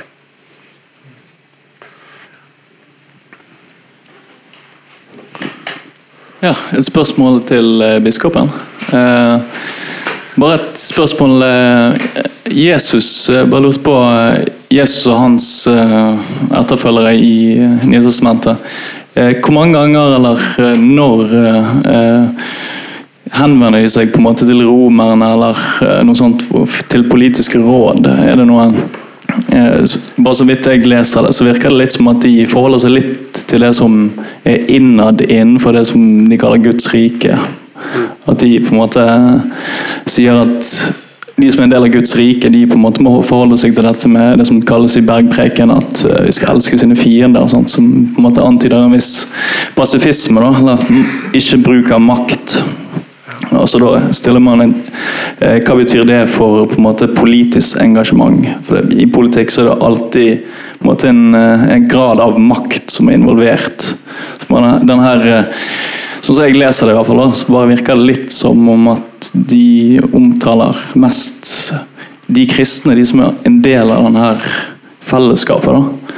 At det er der de har muligheten til å gi råd og si at de etterfølgerne må f.eks. leve miljøvennlig. Har de rett på en måte til, eh, til å rette seg utad mot romerne, da, eller det norske samfunnet som helhet? Takk. Altså Kristendommens første fase, de første 300 årene, er jo at kristendommen er en minoritet, delvis forfulgt. Og den, har, den innfører jo en masse endringer i samfunnet etter hvert. Men Den gjør det ikke gjennom politiske midler, men den gjør det ved å bygge opp et alternativt fellesskap. Hvor f.eks. både slaver, og kvinner og barn har en helt annen rettighet enn det de hadde i det romerske samfunnet ellers. Og Det fikk jo enorme politiske konsekvenser, men ikke, ikke gjennom makt. Men så får du da historien etter Konstantin, ikke sant? hvor kirken jo havner i maktposisjon. Og, og, vi vet jo godt hvor mange betenkelige sider det var ved det. Men i utgangspunktet så er jo kristendommen en bevegelse som ikke, i motsetning til islam, har en ferdigsydd samfunnsmodell og et ønske om å styre det politiske livet. Altså Jesus og Muhammed er så ulike som to religionsstiftere kan bli. Altså Muhammed er jo en krigfører.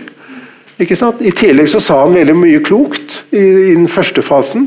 Men når han da kommer til Medina og, og, og begynner å få makt, så gjennomfører han jo også tiltak som i dag de fleste vil si er i betydelig konflikt med det vi kaller for humanitet. da. Og så må jo muslimer i dag forholde seg fortolkende til islam. Og veldig mange gjør jo det og sier at islam i dag kan jo ikke være en politisk modell. Men i utgangspunktet så er det jo. Kristendommen har jo aldri vært en politisk modell.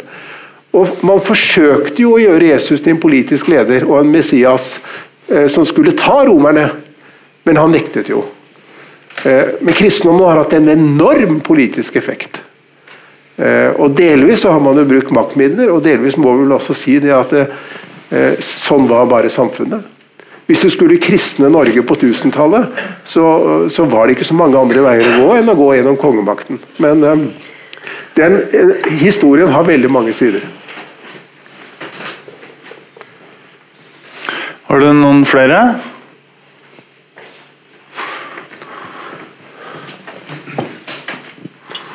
Ja, hallo. Eh, mitt navn er Petter Eltvik. Eh, jeg har også meldt meg ut av Den norske kirke av samme grunn som, som du gjorde to-tre år siden.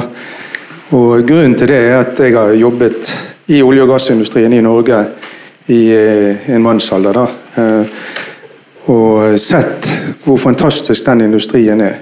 Og sett hvilken betydning det har for landet, arbeidsplasser og for hele samfunnet vårt. Og Da var det veldig forunderlig for meg da, for et par år siden å se at Kirken engasjerte seg mot dette. Som, eh, som eh, helt klart for meg er fremtiden i Norge, er fremtiden for Europa, fremtiden for verden. det å, å ha en olje- og gassvirksomhet som er så innovativ og teknologisk eh, god, er et bidrag til verden som er større enn det vi kan gi til flyktningene. Så mitt spørsmål til deg er har Kirken snakket med oljeselskapene, snakket med de som kjenner olje- og gassvirksomheten? For det var det som slo meg også, at her er Kirken på så tynn is, og det er ikke noe hold. De har ikke gått i dybden på dette problemstillingen. Så det er derfor jeg lurer på, har dere snakket med de i Norge, og det er mange, veldig mange, som kjenner til iskanten, som kjenner til problemene å bygge ut i Barentshavet, som ikke nødvendigvis er større enn Nordsjøen. Så hvem er det Kirken har snakket med av den norske olje- og gassvirksomheten? Nei, altså jeg, jeg var jo invitert med på et møte sammen med noen andre biskoper i regi av dette her, er det Norsk olje og gass det heter? Ja. Som paraplyorganisasjon. Da hadde vi en veldig nyttig samtale om akkurat det. Og jeg, jeg anerkjenner fullt ut de argumentene du kom med. Det er klart Oljen har vært en velsignelse for Norge og sikret oss en velferd som, som jo ingen egentlig kunne drømme om på forhånd. Så de, de nasjonale effektene av, av oljen har vært eh, enorme. Eh, Og så er vi da likevel kommet til et punkt hvor vi må spørre hvor går veien videre for olje- og gassindustrien. Og der hører jeg jo at veldig mange som tilhører den virksomheten sier at nå må vi gå for det grønne skiftet.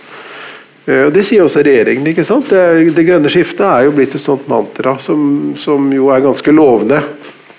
Eh, Og at Jeg tror også at norsk olje og gass vil ha en framtid. Og jeg har aldri sagt at vi skal avvikle norsk olje- og gassindustri. Det, det vi må diskutere, er hvor mye skal vi ta ut av de ressursene som ligger gjemt. Og det, det må vi få lov til å være uenige om.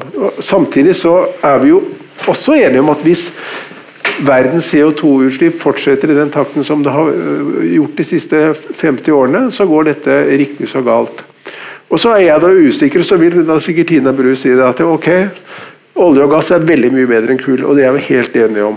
Men det er ikke uten videre et nullsumspill. Det er jo ikke slik at folk da vil trappe ned kullforbruket hvis vi eksporterer mer olje og gass. Det kan hende at de bare vil bruke mer energi. Så dette er jo kompliserte ting. Men øh, jeg er helt enig med deg i, i at kvaliteten på norsk olje- og gassindustri, både teknologisk og også på en måte når det gjelder etisk bevissthet, er langt foran øh, de fleste andre som driver i den bransjen. Det tror jeg du har rett i. ja, så nå er jeg rett inn i den debatten, da, men jeg, jeg klarer ikke la være, liksom, fordi at jeg bare kjenner det. Men det er så mange ting som blir så misforstått i den debatten. Altså eksempel det at folk tror at eh, det å åpne for nye leteområder i Barentshavet betyr at Norge skal liksom voldsomt øke oljeproduksjonen sin. Det er jo ikke sant. Altså Norsk olje- og gassproduksjon er halvert siden starten av 2000-tallet.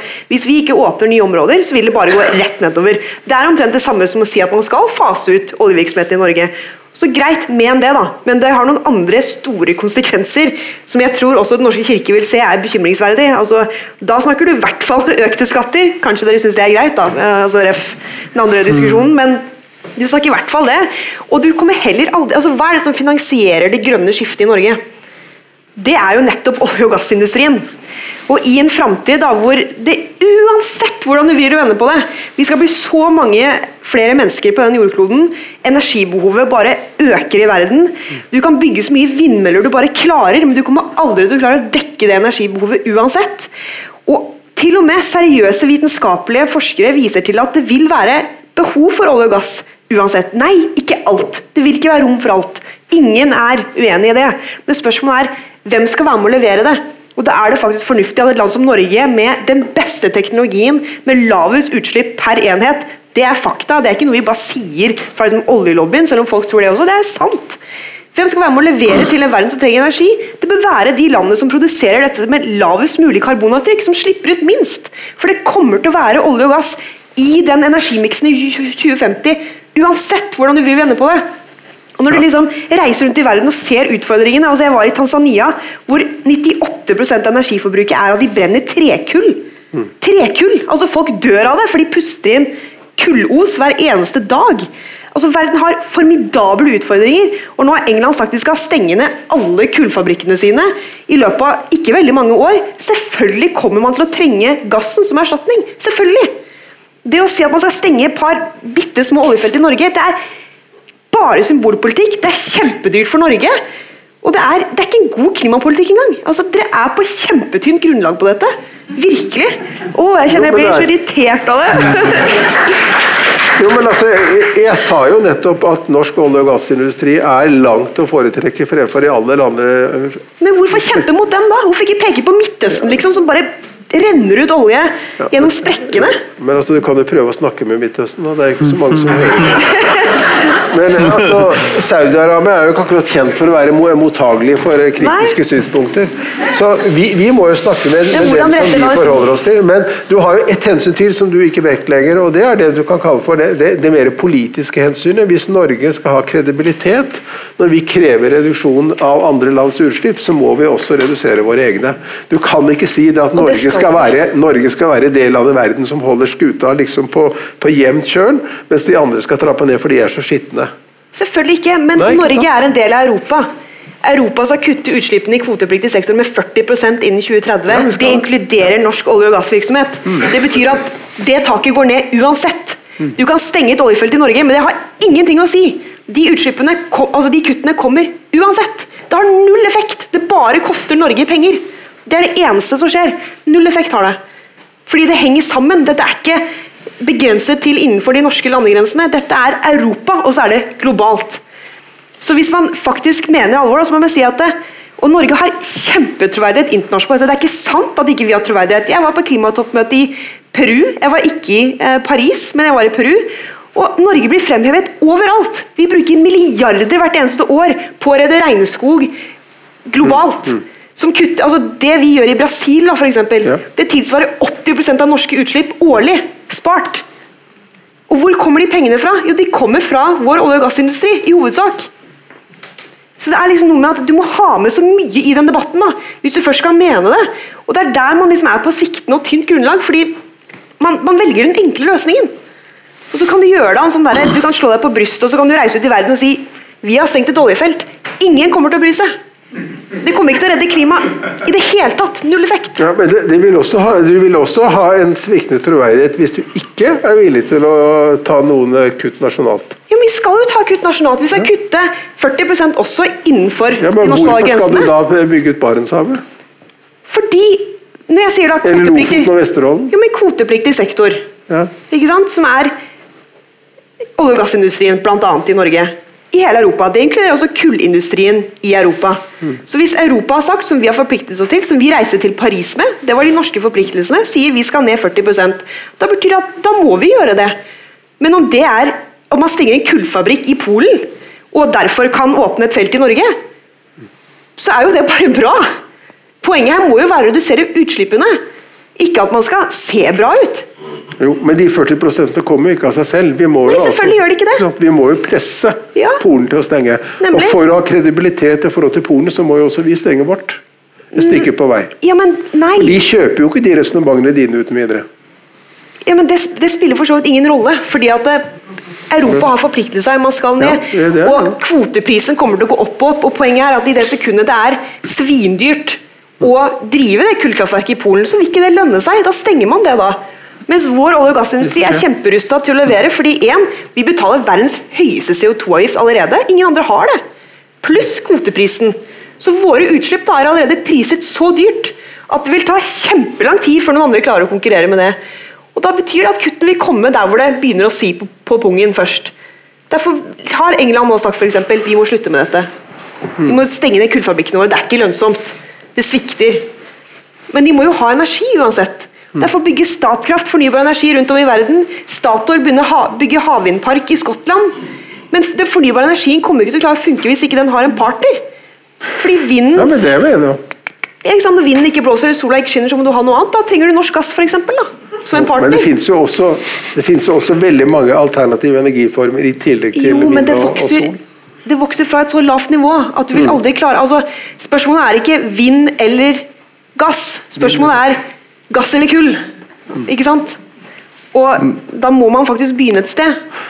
Men det du litt det du kaller litt devaluerende symbolpolitikk. Du må huske på at symboler skal du ikke kimse av, og Halvor jobber jo med symboler. jeg er enig.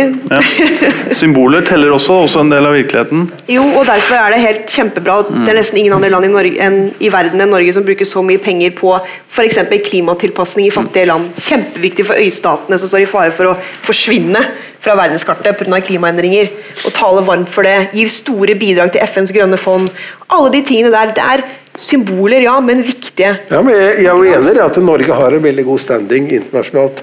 Både i klimapolitikken og også i, i det du kan kalle for utviklingspolitikk. Da i litt videre forstand. Ja. Og Det er jo fordi at vi har en samfunnsmodell og vi, som jo jeg mener er ganske avgjørende preget av kristne verdier. Som, eh, som går på solidaritet, og som det er en forholdsvis brei politisk enighet om i Norge. Så vi skal jo ikke tegne bildet uh, skjevere enn det er. altså. Absolutt ikke.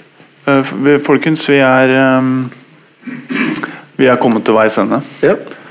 Eh, Men eh, vil du si noe om neste det Jeg har allerede sagt at neste ja. gang er da 20. april, og da er det Henrik Syse og jeg som kommer sammen for å snakke om hvor kristen skal Norge være. og Da ønsker vi hjertelig velkommen neste gang, og så takker vi Tina Bru for kvelden i kveld.